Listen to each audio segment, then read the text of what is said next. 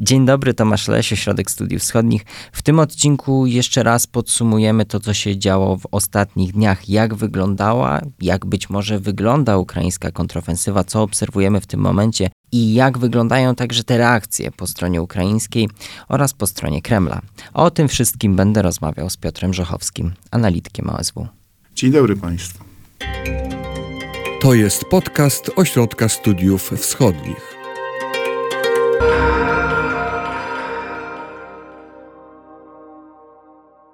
Piotrze, zapytam Cię, nasza ostatnia analiza y, ma tytuł na osw.waw.pl Stabilizacja frontu. Czy rzeczywiście ta stabilizacja to jest to, co teraz obserwujemy? Czy ta ukraińska ofensywa, którą śledziliśmy z zapartym tchem przez ostatnie dni, już trochę hamuje? Tak, to jest dobre określenie. Następuje stabilizacja frontu. Ukraińska ofensywa wyhamowuje i i dlaczego tak się dzieje? No, sami, sam e, szef resortu obrony e, Ukrainy, Oleksiy Reznikow, e, stwierdził, że sami Ukraińcy byli zaskoczeni łatwością wejścia tak głęboko w pozycje rosyjskie. I z drugiej strony też to budzi pewne zaniepokojenie Ukraińców, dlatego że ta, ta łatwe wejście może jednak doprowadzić do, do jakichś kłopotów związanych z tym, że Rosjanie podciągną jakieś siły i mogą te maszerujące ukraińskie oddziały e, otoczyć. I też, jak rozumiem, trzeba to utrzymać. I to trzeba poza tym utrzymać. I to też jest ważne zadanie według Reznikowa. Teraz trzeba się skupić na utrzymaniu szlaków komunikacyjnych, zapewnieniu logistyki siłom zbrojnym Ukrainy. A takim bardzo ważnym e, zadaniem jest też użycie służb specjalnych i policji do wyłapywania ukrywających się żołnierzy rosyjskich, ale również do aresztowania kolaborantów czy ludzi współpracujących e, z Rosjanami, którzy zostali e, na tych terenach już zajętych przez Ukraińców.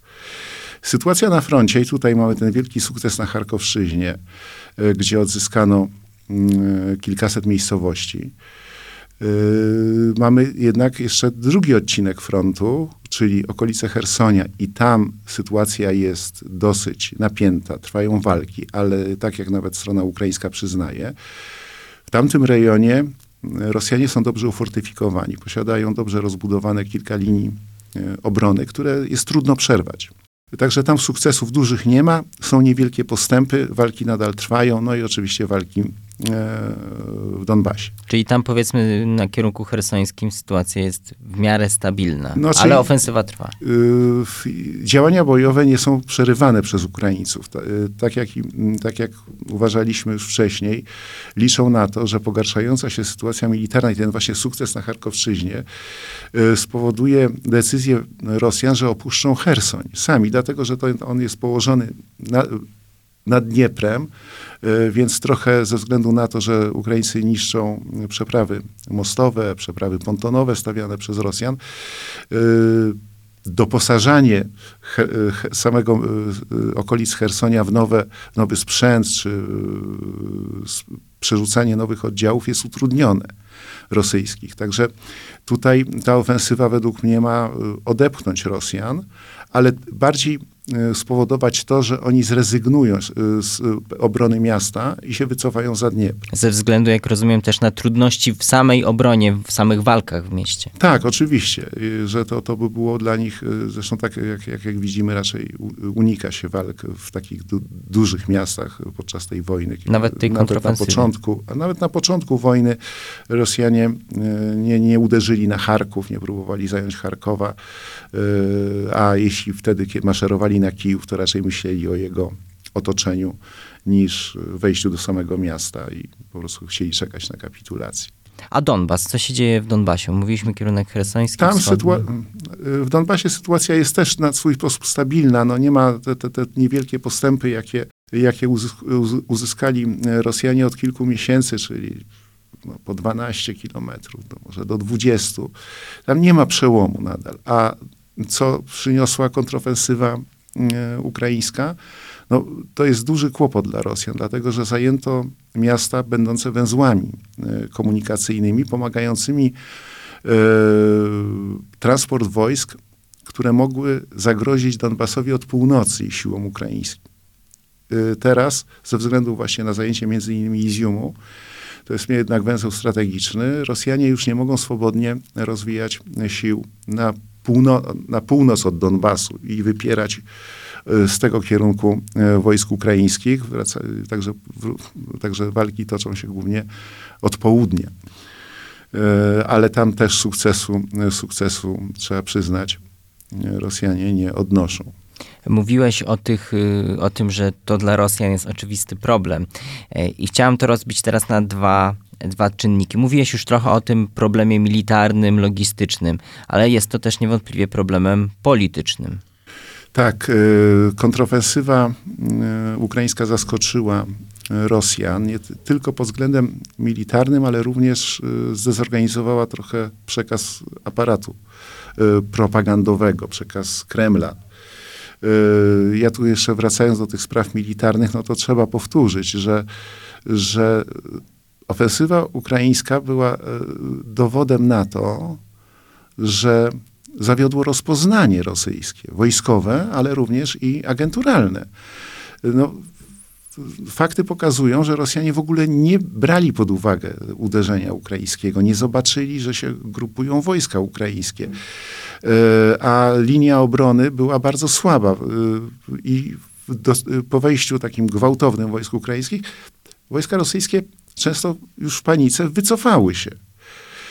I żeby wybrnąć, y, osłabić wrażenie porażki, resort, y, rosyjski resort obrony przyjął dosyć karkołomną formułę y, mówienia o planowym przegrupowaniu wojsk. No, Co to- stało to, się memem praktycznie. to była totalna klęska informacyjna w polityce informacyjnej, ponieważ natychmiast zostało to wyde- ośmieszone, pokazujące tak, planowa ucieczka, planowana ucieczka jest przegrupowanie. Nawet w propagandzie tak to nie za bardzo Y, siadło. I że to tak już powiem. teraz, już, już, już po kilku dniach przestali stosować ten y, wybieg.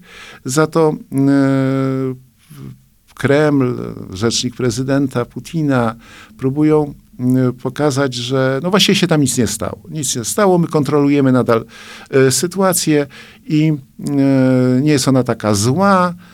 Operacja specjalna tak zwana będzie nadal kontynuowana i cele zostaną zrealizowane i nie będziemy ogłaszać mobilizacji, bo jak wiadomo nasiliły się głosy yy, i opinie, że Putin zdecyduje się ogłosić powszechną mobilizację. Dosyć mocne tu są te deklaracje. A teraz Krem temu zaprzeczył, więc uspokaja, na, tak na szybko próbuje uspokoić nastroje. Nie, nie, nie, to jest kontrolowane.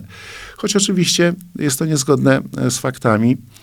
Yy, Jedna, jedyne, co zdecydowali się Rosjanie po sukcesie ukraińskim, to zintensyfikowanie uderzeń rakietowych yy, w sieć ene- elektroenergetyczną. Yy, No, ostatnio również zniszczono jedną z tam w Nowej Kachowce. Podniósł się poziom wody, groziła powódź, no ale na szczęście nie doszło do jakiejś większej tragedii. Więc zdecydowali się tylko na takie odwetowe działania, które mają utrudnić życie ludności. No i pojawia się oczywiście teza, że Rosjanie czekają na zimę, że niszcząc mm, y, obiekty energetyczne na Ukrainie prób, będą próbowali wywołać klęskę humanitarną. Tylko też ja chcę zwrócić uwagę na przykład y, atak na, na sieć energetyczną w Charkowie, który był skuteczny. Uderzono w elektrownię, która no, wyłączono prąd na kilka godzin, ale bardzo szybko Ukraińcy przywrócili, y, przywrócili dostawy energii y, do Charkowa. I także to niszczenie oczywiście będzie kontynuowane, ale sieć energetyczna jest, jak widać, dosyć łatwo do naprawienia, ale również i w obiegu przekazu energii z innych rejonów Ukrainy będzie zasilany taki re- region, który zostanie pozbawiony czasowo energii elektrycznej. E, A ta zima, o której mówiłeś, na którą liczą Rosjanie, że będą, mówiąc wprost, mrozić e, Ukrainę, ale też Europę i liczą na to, ale ta zima też, jak rozumiem, dla nich stwarza pewne wyzwania frontowe, czy nie? No na pewno no, złe warunki atmosferyczne y, zazwyczaj trochę hamują y, działania bojowe, więc, y, więc można oczekiwać, że raczej E, Oczywiście tym wielkim pytaniem jest, czy Rosjanie jeszcze są zdolni do przeprowadzenia jakiejś dużej kontrofensywy na Ukrainę, bo licząc ciągle to liczebność armii rosyjskiej, y, no można ciągle powiedzieć, tak, tak, ona ma taką nominalną przewagę nad Ukraińcami. Ale z drugiej strony to, co teraz obserwujemy, czyli jeśli chodzi na przykład o wysyłanie uzupełnień na front rosyjskich, to oni wracają według mnie do koncepcji takiej wojny najemniczej, którą obserwowaliśmy w Donbasie wcześniej, kilka lat temu. Y, Po prostu nadal się werbuje ochotników. No oczywiście za, oferując im jakieś tam y, dosyć spore pieniądze, ale, mm, ale nie widać, żeby, żeby była formowana y, jakaś grupa uderzeniowa, która y, k- złożona już z tej kadrowej armii rosyjskiej, która miałaby wejść na Ukrainę. I takim dużym, za, drugim znakiem zapytania jest, jest mówienie o tym, co się dzieje z armią rosyjską. Dlatego, że rzeczywiście tu są popełniane oczywiste błędy związane nie tyle z prowadzeniem działań wojskowych, ale na przykład, tak jak teraz widzieliśmy, z jakąś niewydolnością rozpoznania wojskowego. To, to, to bardzo źle świadczy o, o, o Rosjanach. Zresztą e, znowu jest natychmiast, natychmiastowa wymiana kadr dowódczych, nastąpiła po kontrofensywie, ale w mojej opinii to te zmiany kadrowe niczego nie, nie poprawią, dlatego że tutaj istotą jest chyba styl dowodzenia, a z drugiej strony też, e, no jednak, tak jak to się popularnie mówi, stan morale sił rosyjskich.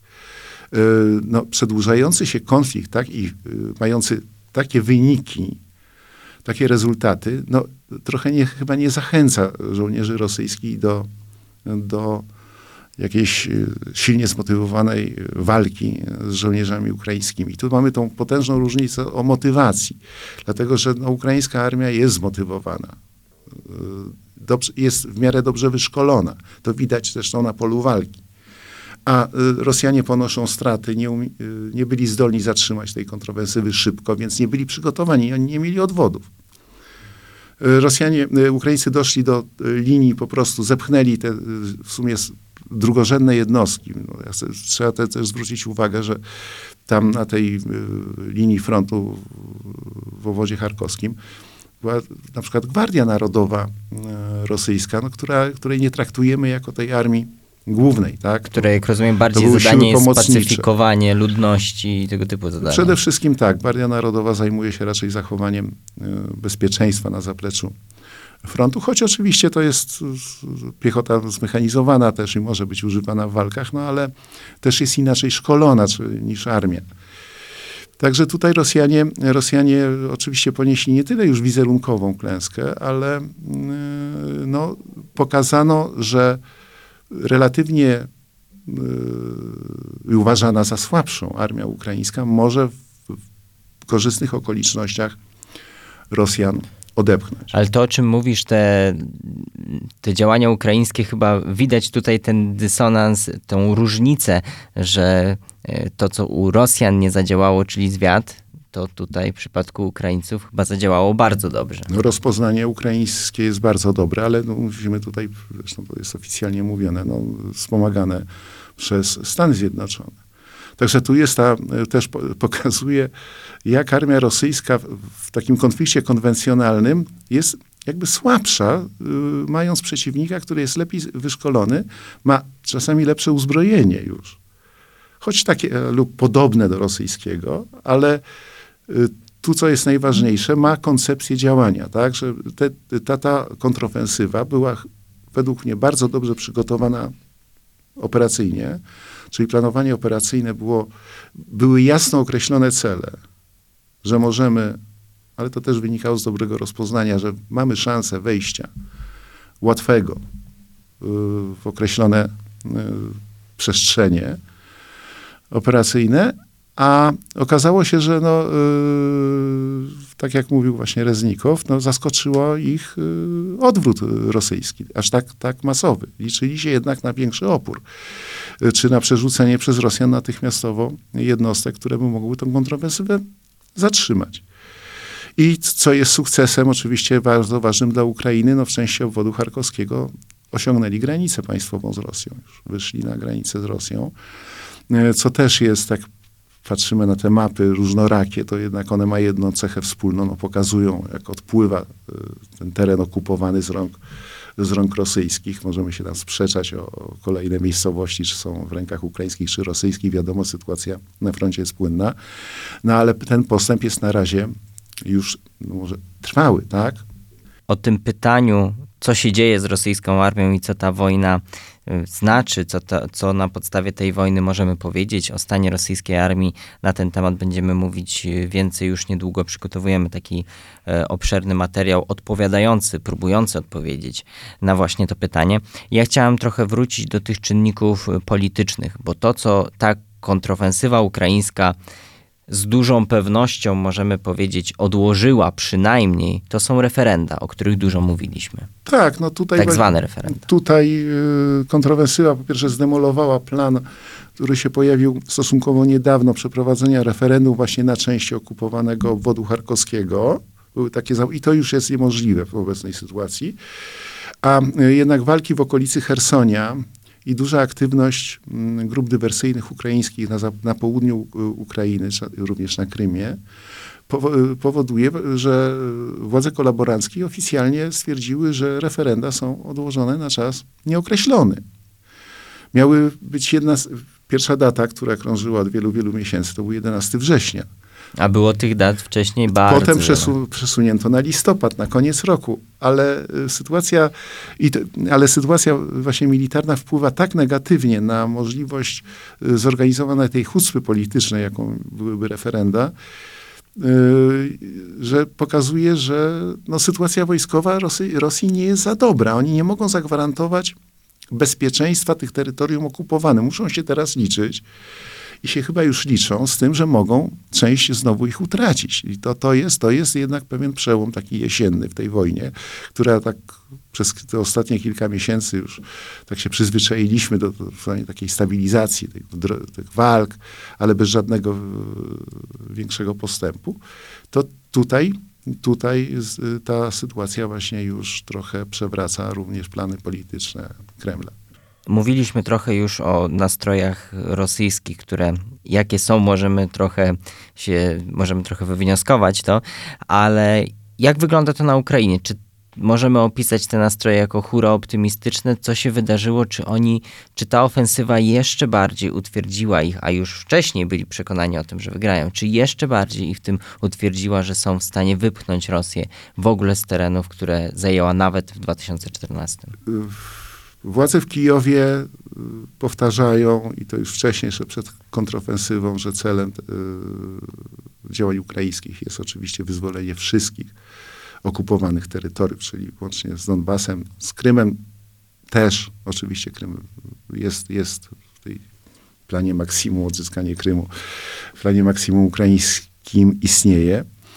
Euforia społeczna, tak, była. Pierwsze dni, y, aż, aż za duża bym powiedział. Po prostu y, sieci społecznościowe y, z, zalały informacje, że wojska ukraińskie są już na lotnisku w Doniecku na przykład. Zareagował znowu resort obrony ukraiński, wzywając wszystkich ludzi, którzy funkcjonują w sieciach, prowadzą jakieś profile na, kanałach telegramowych, żeby jednak ograniczyli tę euforię, ponieważ ona no, jest niepotrzebna. To, to, to, to, poinformujemy wtedy, kiedy zajmiemy, ale daleko idąca euforia też jest szkodliwa na swój sposób. To, to, to jest taki właśnie przekaz. Nie cieszmy się za bardzo, cieszmy się z tego, co zrobiliśmy, ale nie opowiadajmy, że zrobiliśmy więcej, bo to może zadziałać odwrotnie potem. Aha, zajęli Donieck, a potem się okaże, że to jest nieprawda, ale wszyscy w to uwierzyli na przykład. Nie? Więc wtedy to, to, to, trzeba chronić właśnie tą przestrzeń y, informacyjną przed, przed nawet właśnie zbytnią euforią. Uważam, że y, na pewno skuteczne działania armii ukraińskiej wzmacniają poczucie patriotyzmu oraz utwierdzają Ukraińców w tym, że można skutecznie z Rosją walczyć, choć Oczywiście, no, takie, czy, czy mogą Ukraińcy dalej e, pójść? No to zależy, tak jak już mówiłem, trochę od tego, w jakim stanie jest, są siły rosyjskie. E, bo trzeba, no, też właśnie wracamy znowu do tej teoretycznej przewagi, przewagi rosyjskiej, e, liczebnej, że oni mogą jednak powstrzymać Ukraińców albo nawet przejść do kontrofensywy. Tylko, że Tutaj już to jest trudno odpowiedzieć na to pytanie z jednego tego, tego podstawowego powodu. My nie wiemy, co siedzi w głowie Putina i jak, jaki jest rzeczywisty stan mm, myślenia wyższej kadry dowódczej Sił Zbrojnych Rosji. ponieważ no, są ewidentne, widoczne kłopoty e, z, z dowodzeniem. Jakby nie było planu tej operacji, że przez te, od, od, od marca po, po, po tych początkowych zwycięstwach rosyjskich przez tyle miesięcy yy, nie można przewidzieć, czy nawet pomyśleć o tym, czy oni zaplanowali jakiś kolejny atak na Ukrainę, tak? drugą fazę na przykład. Wszystko wskazuje, że yy, mają raczej kłopoty z realizacją takiego planu. I tutaj nam się otwiera, my w poniedziałek nagrywaliśmy film o tych możliwych scenariuszach tego, jak może wyglądać odpowiedź Kremla. Jak rozumiem tutaj już to, co o czym pisał i to, co mówił e, Marek Mękiszak, już jakby trochę się krystalizuje, to znaczy już wiem, to co wiemy, to, to że były te ataki na, i są na infrastrukturę krytyczną, no i zapowiedź, e, zapowiedź tego, że tej mobilizacji nie będzie. Pytanie więc, jaka jeszcze może być ta odpowiedź? Czy mamy jakiekolwiek sygnały świadczące o tym, że, że chociażby może być podbudowa jeszcze większa ten, tej narracji o wielkiej wojnie ojczyźnianej, o tym, że oni walczą z całym światem. W propagandzie pojawiają się często już teraz informacje o tym, że oni tak naprawdę nie walczą z Ukraińcami, a z Polakami na przykład, czy, czy żołnierzami brytyjskimi. Yy, czy Rosjanie ogłoszą wielką wojnę ojczyźnianą, to jest dla mnie trochę za późno już. Poza tym wielka wojna ojczyźniana by świadczyła, że Ukraina zwycięża. Że, musi, nie że, można musi, tego przyznać. że cały naród musi, musi stanąć w obronie Rosji, ponieważ Ukraina nas zaatakowała i atakuje skutecznie. Musimy bronić kraju, tak? No to ta konstrukcja by już trochę naprawdę skompromitowała e, taką politykę informacyjną rosyjską. Oni rozpaczliwie, tak jak już mówiłem wcześniej, próbują zmarginalizować te sukcesy e, ukraińskie. Wręcz uważają, chcą przedstawić, że to były planowe działania rosyjskie, ta kontrowersywa, powiem przewrotnie. Ale rzeczywiście y, zmieniła się narracja, jeśli chodzi o wskazywanie przeciwnika. To nie jest już wojna z Ukraińcami, tylko wojna z NATO, ze Stanami Zjednoczonymi i innymi państwami członkowskimi NATO na terytorium Ukrainy. W narracji rosyjskiej, y, ale raczej to ja to określam jako operację psychologiczną wobec państw zachodnich, y, choć to nie jest oficjalne, oczywiście to się przedostaje w rosyjskich mediach, które próbują tą informację wyeksportować na zachód, czyli że armia rosyjska użyje taktycznej broni jądrowej. No, byłoby to działanie trochę dla mnie bezsensowne, po pierwsze, bo taktyka spalonej ziemi, y, no to jest też, by było fiasko y, takiego politycznej wizji, że na Ukrainie są ludzie, którzy czekają na Rosjan. I tutaj jest trochę zapętlona, Krem się zapętlił w tą swoją opowieść o tym, co robi z Ukrainą i czego oczekuje, ponieważ no, cały czas powtarza, że no, mimo wszystko Ukraińcy nie są wrogim narodem, tak? ale tylko ci źli naziści, którzy siedzą w Kijowie, yy, którzy, i nacjonaliści, którzy, którzy są yy, rusofobami i którzy nienawidzą Rosjan. I trzeba ich po prostu odsunąć od władzy. Nadal to funkcjonuje, yy, ale widać już irytację też rosyjską. No zresztą pojawiają się głosy no, już polityków rosyjskich krytykujące, co ciekawe, dowództwo wojskowe, nie Putina. Y, tam w, w tej przestrzeni medialnej rosyjskiej coraz czytelniej właśnie widać, jak armia staje się takim chłopcem do bicia, że to ona... I dowódcy zwłaszcza. I dowódcy, ale nie nie Putin.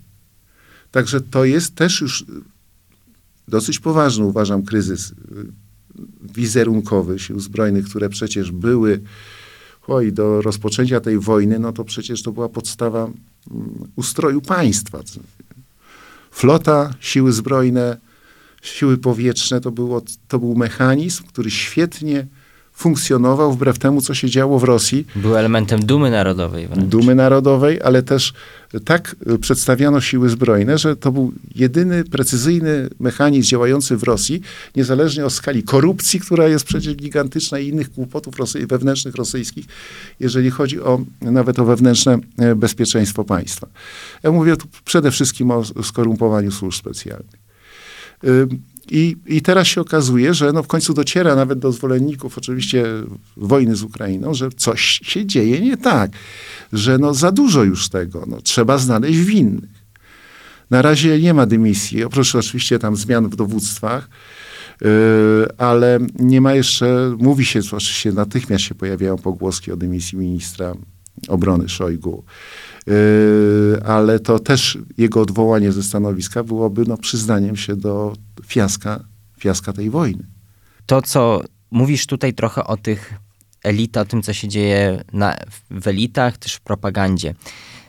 Pro, pytaniem, które myślę wielu naszych słuchaczy sobie stawia, jest ta możliwość ewentualnego przewrotu. Jak rozumiem, to są cały czas tylko spekulacje, nie mamy żadnych symptomów tego, że rzeczywiście coś takiego na Kremlu może się wydarzyć.